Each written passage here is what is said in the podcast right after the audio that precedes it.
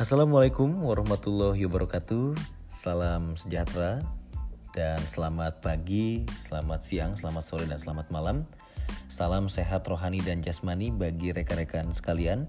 Semoga kita semua terhindar dari ancaman pandemi COVID-19 dan tentu saja kita berharap bisa sesegera mungkin berada dalam situasi yang jauh lebih baik walaupun saat ini memang dengan keterbatasan yang ada, saya berharap kita semua tetap bisa menjalankan aktivitas dan juga tetap produktif walaupun lebih banyak beraktivitas di rumah. Pada kesempatan ini saya akan membahas satu topik tentang keterampilan wawancara atau skill interview. Tahukah rekan-rekan bahwa menjadi seorang interviewer tidak semudah yang kita bayangkan? Diperlukan satu keterampilan khusus yang harus dimiliki oleh seorang pewawancara atau disebut sebagai interviewer sebelum ia melakukan suatu proses wawancara. Setidaknya terdapat enam keterampilan dasar yang harus dimiliki oleh seorang pewawancara, di mana keterampilan dasar tersebut meliputi yang pertama adalah kemampuan untuk membina raport. Kemudian yang kedua, empati, Kemudian yang ketiga attending behavior. Kemudian yang keempat adalah teknik bertanya. Lalu kemudian yang kelima keterampilan observasi dan yang keenam adalah active listening. Masing-masing keterampilan ini akan saya jelaskan lebih rinci dan lebih lengkap sesaat lagi. Dan sebelum saya memulai membahas satu persatu hal yang tadi saya sebutkan, bahwa pada proses wawancara pun juga ada tahapan-tahapan yang harus kita pahami dan kita kuasai yaitu adalah tahap persiapan, kemudian pelaksanaan, tahap akhir e, wawancara. Tahapan-tahapan ini yang tidak bisa tentu saja kita hindari. Proses ini akan selalu kita lakukan dan tentu saja ini akan menjadi tahapan-tahapan yang akan kita lalui dan saya berharap kita semua bisa melewati tahapan-tahapan ini dengan sangat baik sehingga hasil akhir dari wawancara betul-betul sesuai dengan tujuan kita. Baik, saya akan membahas tadi terkait dengan enam teknik yang telah saya sebutkan tadi dan yang pertama yang harus dimiliki oleh seorang interviewer adalah kemampuan dalam membina raport. Membina suatu raport yang baik tidak semudah yang dibayangkan tetapi tentu saja sebagai pewawancara kita harus memperhatikan kenyamanan dan kesejahteraan klien. Maksudnya di sini adalah bagaimana kita mampu menciptakan lingkungan yang hangat dan nyaman agar orang yang kita wawancarai atau responden atau narasumber dapat secara bebas dan jujur menceritakan masalah yang sedang dialaminya. Atau dengan kata lain dapat membicarakan topik yang relevan dalam proses wawancara yang kita lakukan. Kunci dalam membangun raport yang baik yaitu terletak pada sikap kita sebagai interviewer dan interviewee juga harus mengetahui serta yakin kepada interviewer bahwa interviewer atau pewawancara mengerti dengan apa yang diungkapkan oleh orang yang diwawancarai.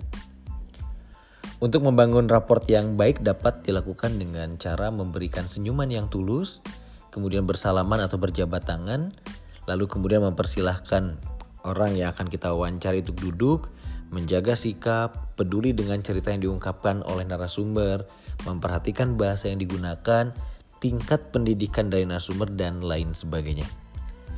Inti dari membina raport adalah agar klien ataupun narasumber ataupun orang yang kita wawancarai dapat percaya dengan kita sebagai interviewer dan narasumber mau secara terbuka menceritakan masalahnya kepada interviewer. Kemudian teknik yang kedua yang juga harus dimiliki oleh seorang pewawancara adalah empati. Efektivitas empati kita bergantung pada kualitas raport yang telah kita bina di awal sesi wawancara tersebut. Empati berguna dalam mencerminkan perasaan, pengalaman, dan perilaku yang dirasakan oleh narasumber ataupun orang yang kita wawancarai. Dan rasa empati ini juga membuat klien mengerti atau narasumber mengerti bahwa kita sebagai interviewer atau pewawancara benar-benar memahami apa yang dirasakan oleh narasumber. Maksudnya adalah bahwa masalah yang sedang dihadapi oleh narasumber tersebut serta bagaimana peran narasumber dalam pengalamannya akan betul-betul terasa sekali dan juga betul-betul bisa kita posisikan dengan sangat baik di mana kita betul-betul ikut berempati terhadap apa yang kemudian dia rasakan. Tetapi yang perlu diingat bahwa di dalam teknik ini, seorang pewawancara atau interviewer tidak boleh memberikan suatu penilaian mengenai masalah yang dirasakan oleh narasumber. Tetapi interviewer hanya menerima dan memahami apa yang dirasakan oleh narasumber tersebut dan apa yang terjadi di dalam kehidupan narasumber tersebut. Kemudian teknik yang ketiga yang juga harus dimiliki oleh seorang interviewer adalah attending behavior. Di dalam teknik ini, interviewer memberikan waktu kepada klien untuk menceritakan semua yang dialami oleh klien sebebas-bebasnya. Itu tentu saja menjadi harapan kita sebagai seorang pewawancara. Tugas interviewer di sini adalah belajar mendengarkan apa yang dialami oleh narasumber. Dan inti di dalam teknik ini adalah fokus pada cerita narasumber dan mendengarkan apa yang diceritakannya. Karena apabila seorang pewawancara juga ikut berbicara, maka pewawancara tersebut tidak akan mendapatkan inti permasalahan yang dialami oleh narasumber dan narasumber juga akan merasa tidak dihargai oleh seorang pewawancara. Di dalam teknik ini terdapat empat critical dimension atau ada empat dimensi kritis, yaitu yang pertama adalah visual atau pola kontak mata pewawancara kepada yang diwawancarai. Kemudian yang kedua adalah kualitas suara, nada, intonasi, dan kecepatan berbicara pewawancara kepada narasumber. Kemudian yang ketiga adalah verbal tracking, jangan mengubah topik yang sudah disepakati di awal sesi wawancara. Lalu yang terakhir adalah body language atau bahasa tubuh. Ini empat critical dimension yang kemudian sangat penting sekali untuk kemudian dipahami dan dikuasai oleh seorang pewawancara. Selanjutnya teknik keempat yang juga harus dimiliki oleh interviewer adalah teknik bertanya, di mana di dalam teknik bertanya ini dibagi menjadi dua bagian, yaitu pertanyaan pembuka dan pertanyaan penutup. Di dalam pertanyaan pembuka, klien dibebaskan untuk menceritakan semua masalah yang dialaminya kepada pewawancara agar pewawancara dapat menangkap informasi secara mendalam dari cerita narasumber tersebut. Pertanyaan pembuka ini tidak bersifat mengarahkan dan terdapat tiga fungsi pertanyaan pembuka yaitu pertama adalah sebagai pembuka proses wawancara, kedua untuk mengelaborasi dan memperkaya cerita dari narasumber, Lalu yang terakhir atau ketiga untuk memperjelas sudut pandang narasumber. Sedangkan apabila kita memilih untuk menggunakan pertanyaan tertutup, gitu, di mana kemudian narasumber akan menjawab seputar pilihan kata ya atau tidak, ataupun jawaban-jawaban lainnya yang lebih pendek. Dan pertanyaan ter tertutup atau pertanyaan penutup ini bersifat mengarahkan narasumber dan merujuk pada suatu jawaban tertentu dari cerita narasumber sehingga pertanyaan penutup ini cenderung mengarahkan narasumber ke arah pemikiran pewawancara. Terdapat lima penyalahgunaan yang terjadi di dalam teknik bertanya yaitu yang pertama adalah menjadi membosankan atau being intrusif. Lalu kemudian yang kedua adalah mengintegrasi narasumber. Yang ketiga mengontrol cerita narasumber atau controlling client explores. Kemudian yang keempat adalah menggunakan pertanyaan mengapa. Dan yang kelima, memuaskan kebutuhan dari konselor. Nah ini suatu wawancara akan menjadi sangat membosankan bila pewawancara memaksa narasumber untuk menjawab semua pertanyaan yang ditanyakan oleh kita kepada narasumber. Narasumber berhak untuk tidak menceritakan apa yang seharusnya tidak ingin diceritakan oleh mereka. Berkaitan tentu saja dengan hal-hal yang bersifat uh, privacy yang tidak ingin diceritakan kepada orang lain. Dan tentu saja pewawancara pun juga dilarang untuk menanyakan pertanyaan yang terus-menerus mengenai hal-hal personal narasumber dan memberikan pertanyaan yang panjang karena narasumber akan merasa diintegrasi dan tertekan dengan sikap dari kita sebagai pewawancara. Lalu kemudian juga pewawancara disarankan untuk memberikan pertanyaan dengan menggunakan kata tanya apa, kapan, dan bagaimana dibandingkan dengan kata mengapa. Mengapa demikian? Karena kata mengapa tidak dapat memberikan informasi yang berada di dalam diri narasumber tersebut. Dan kita sebagai seorang pewawancara juga tidak boleh hanya mementingkan kepentingan diri pribadi kita dibandingkan dengan kepentingan narasumber karena narasumber akan merasa terganggu dan tidak dihargai dengan hal tersebut.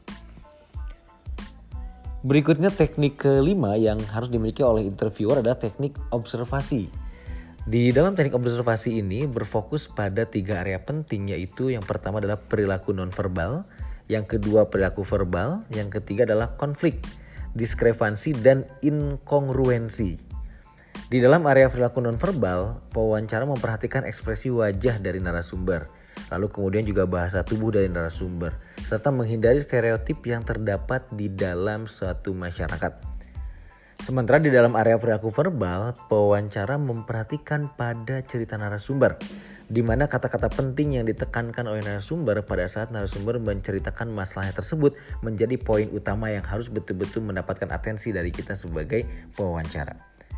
Sementara di dalam area konflik, diskrepansi dan inkongruensi, pewawancara memperhatikan diskrepansi antara perilaku verbal dan non-verbal dari narasumber selama wawancara agar tidak inkongruen karena dapat mengindikasikan bahwa narasumber tidak nyaman dengan proses wawancara yang dilakukan oleh kita atau narasumber tidak sepenuhnya jujur dengan uh, proses wawancara yang kemudian dilakukan.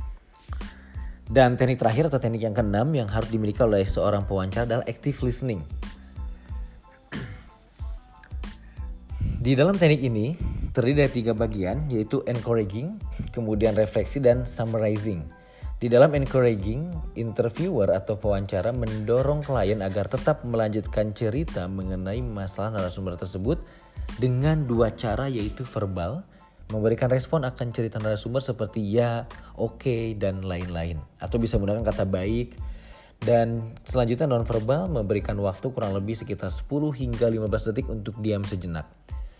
Di dalam refleksi pewawancara merefleksikan isi cerita narasumber atau paraphrasing atau paraphrase dengan menggunakan bahasa pewawancara sendiri dan tidak boleh lebih panjang dari cerita narasumber tersebut serta bagaimana pewawancara juga merefleksikan perasaan yang dialami oleh narasumber selama ia menceritakan masalahnya tersebut.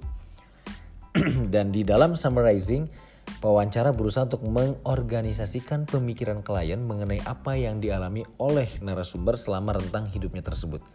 Summarizing ini dapat dilakukan di akhir sesi wawancara atau di awal sesi wawancara pada hari berikutnya atau di pada pertemuan berikutnya. Sehingga dapat disimpulkan bahwa terdapat setidaknya suatu enam e, keterampilan dasar yang harus dimiliki oleh interviewer atau pewawancara sebelum ia melakukan proses wawancara dan untuk menjadi seorang interviewer yang baik. Itu tadi teknik-teknik dasar yang harus dimiliki oleh seorang pewawancara dan setelah ini saya akan lanjutkan dengan pembahasan terkait dengan tahapan-tahapan dalam proses wawancara. Namun sebelum itu, saya akan jeda sebentar untuk rekan-rekan bisa menikmati sajian lagu berikut ini. Dan kita akan segera bertemu kembali dan jangan ke mana-mana. Dan setelah ini saya akan bahas hal yang berkaitan dengan tahapan-tahapan wawancara.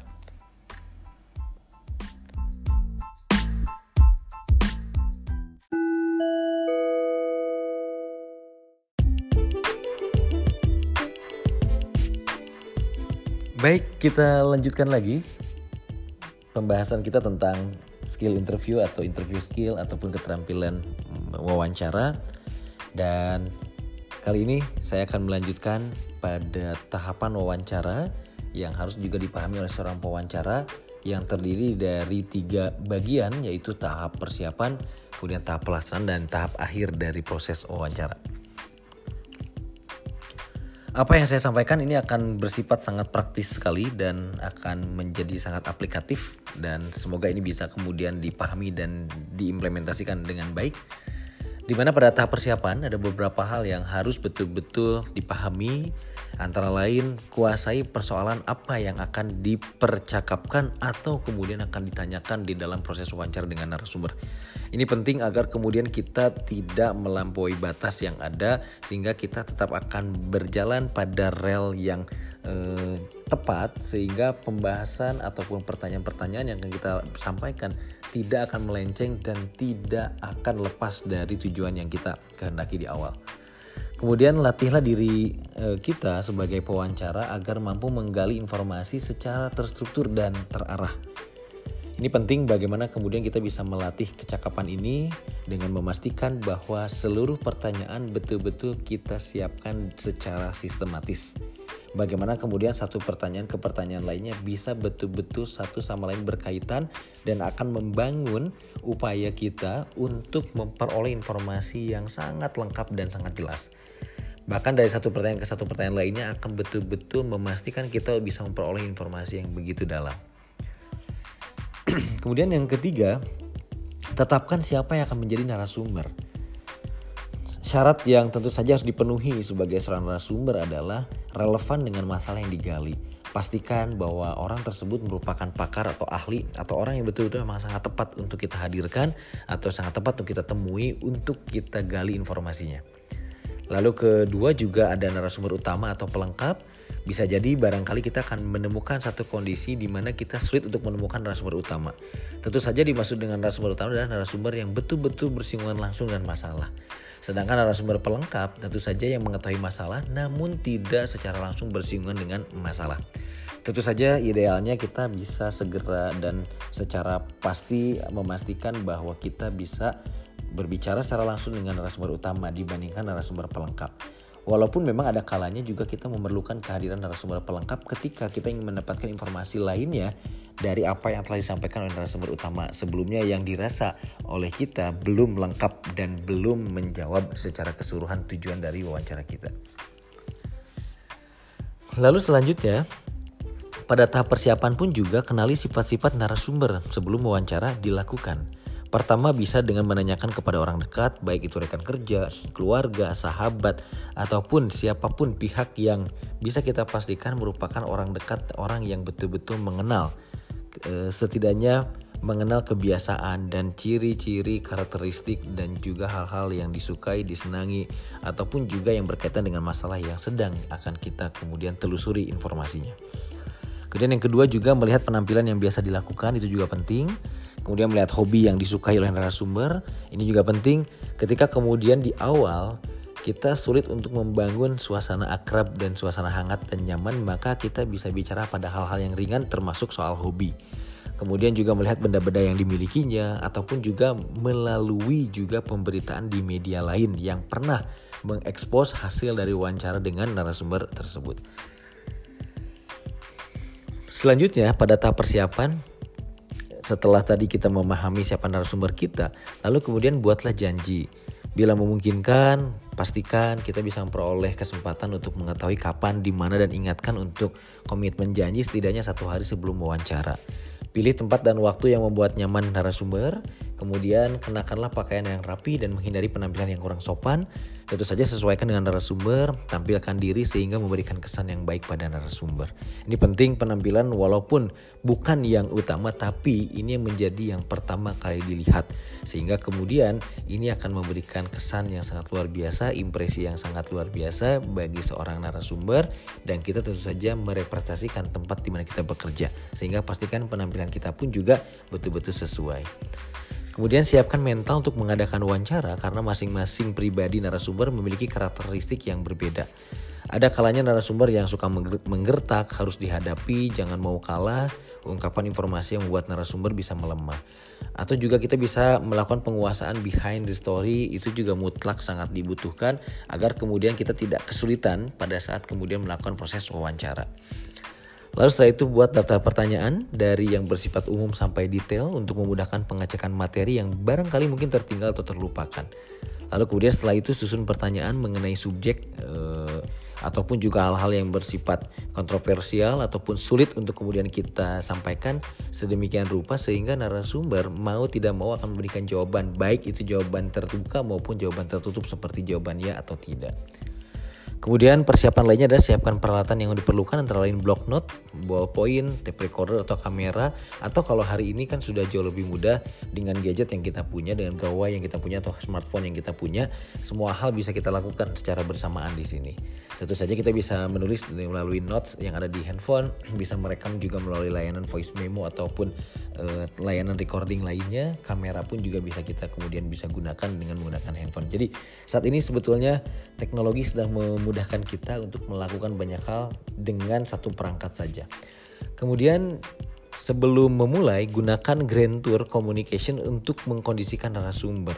Artinya kita harus memastikan bahwa narasumber memahami sedikitnya atau setidaknya gambaran umum yang ingin kita peroleh atau tujuan utama dari apa yang ingin kita capai pada proses wawancara tersebut sehingga bagaimana kemudian nanti narasumber bisa memahami arah dan tujuan dari kita seperti apa sehingga jawaban-jawaban yang disampaikan pun juga akan dengan cepat bisa disampaikan oleh narasumber karena narasumber memahami tujuan kita e, untuk melakukan wawancara ini apa.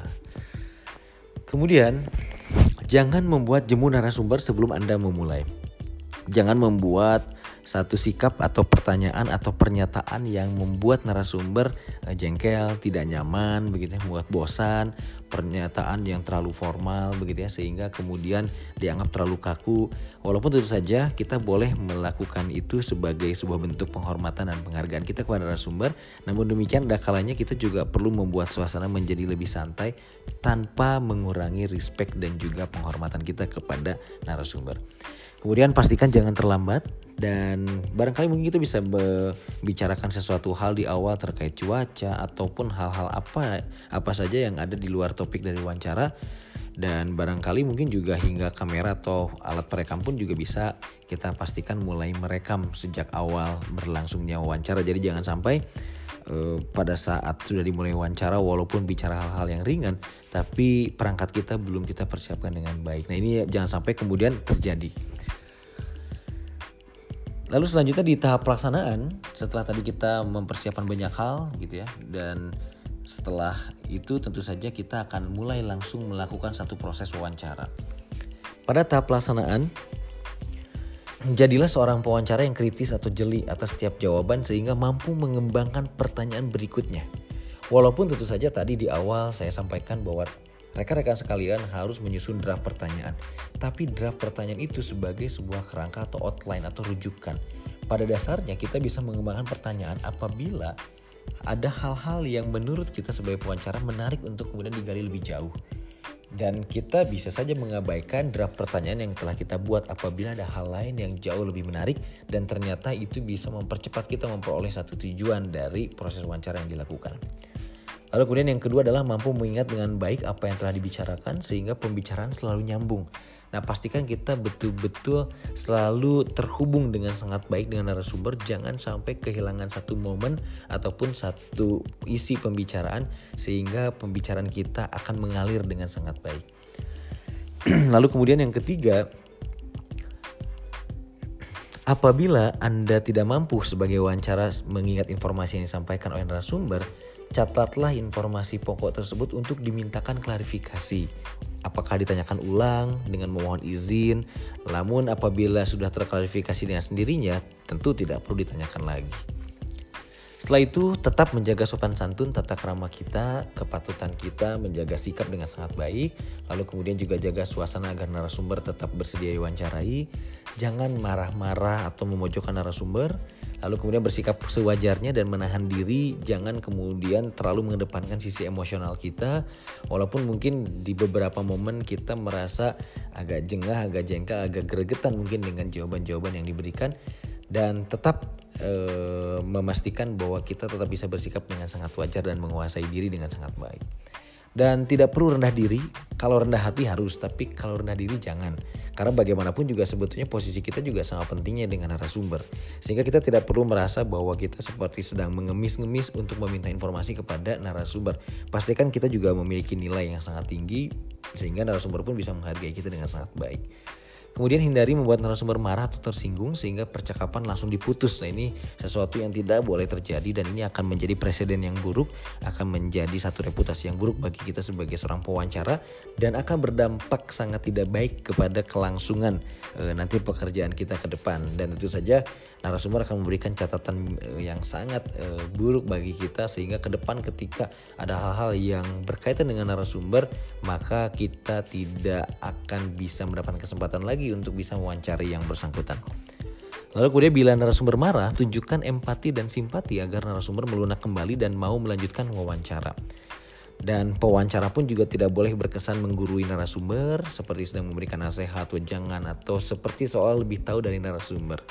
Kemudian berikan pertanyaan langsung pada masalah yang ingin tanyakan, hindari prolog pertanyaan yang terlalu panjang. Walaupun saya barangkali pernah sampaikan di beberapa kesempatan sebelumnya bahwa karakteristik masyarakat kita, karakteristik diri kita sebagai orang dengan budaya ketimuran memang menganut high context communication di mana setiap hal yang kita sampaikan selalu akan kita awali dengan hal-hal lainnya untuk mengantarkan atau sekedar berbahasa basi. Nah, saya kira untuk wawancara hal tersebut tidak perlu dilakukan. Kemudian jangan takut dan jangan malu apabila dianggap bodoh oleh narasumber begitu ya pastikan saja bahwa kita menghargai beliau walaupun tentu saja kita sebetulnya tahu banyak hal tapi kita tidak dalam posisi untuk mendebat narasumber begitu. Lalu kemudian bertanya secara jelas, mudah dipahami dan tidak berbelit-belit. Itu tadi hal-hal yang harus dilakukan pada saat proses pelaksanaan wawancara. Dan bagian terakhir di tahap akhir wawancara mintalah nomor telepon yang dapat digunakan untuk konfirmasi ulang apabila ternyata diperlukan beberapa hal dikonfirmasi kembali untuk memastikan bahwa informasi yang kita terima benar adanya. Lalu kemudian yang kedua adalah hormati komitmen penulisan. Lalu ketiga berikan penghargaan kepada narasumber. Lalu kemudian pengambilan simpulan data, pengecekan kembali untuk melakukan triangulasi data atau cross check boleh dilakukan kepada pihak-pihak lain yang terkait. Itu juga sangat e, membantu untuk kita mendapatkan informasi yang mengandung netralitas dan cover both side misalnya. Lalu kemudian bila memang tidak jelas, jangan ragu juga untuk meminta pengulangan untuk menghindari kesalahan kutip. Karena apabila sudah dipublikasi dan sudah ditayangkan dan dibaca oleh masyarakat, sulit untuk kita kemudian ralat dan perbaiki walaupun itu masih dimungkinkan. Tapi rasanya kalau itu kemudian harus diralat, maka citra dan reputasi kita ataupun juga opini masyarakat tentu akan sedikit berubah dan berkurang penilaiannya kepada kita ataupun kepada tempat di mana kita kemudian bekerja. Karena kita tentu saja dianggap tidak teliti dan juga tidak memastikan semuanya sudah sangat baik. Selanjutnya, tidak perlu menjanjikan kepastian pemuatan. Jadi jangan sampai kemudian menjanjikan kepada narasumber bahwa izin Bapak Ibu ini pasti akan kami muat hari besok atau pasti akan kami muat di lusa atau akan kami muat dalam tiga hari ke depan. Tidak perlu kita sampaikan itu. Yang pasti bahwa hasil wawancara ini akan kemudian dipublikasikan. Tapi berkaitan dengan waktu tidak perlu kemudian kita sampaikan secara pasti. Lalu kemudian jangan lupa sampaikan terima kasih. Lalu setelah itu juga tuliskan laporannya sementara berupa draft, berupa berupa tulisan-tulisan yang eh, memiliki uh, kerangka pemikiran-pemikiran utama dari apa yang disampaikan oleh narasumber untuk nanti kemudian bisa kita kembangkan. Lalu kemudian setelah itu tulis laporan akhir setelah draft selesai ditulis dan diperiksa kembali. Apabila narasumber terpaksa menjawab iya atau tidak, gunakan pertanyaan bagaimana, apa, mengapa, kapan, dan di mana. Baik, itu yang bisa saya sampaikan pada pertemuan kali ini terkait dengan interview skills atau keterampilan wawancara.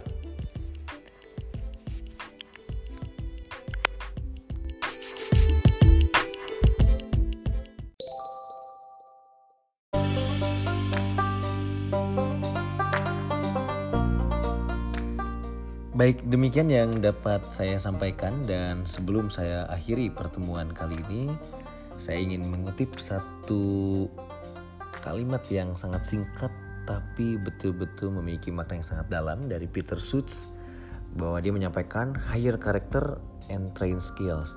Jadi gunakanlah karakter kita, perlihatkanlah karakter kita, pekerjakanlah karakter kita dengan sangat baik, lalu kemudian latihlah skill kita.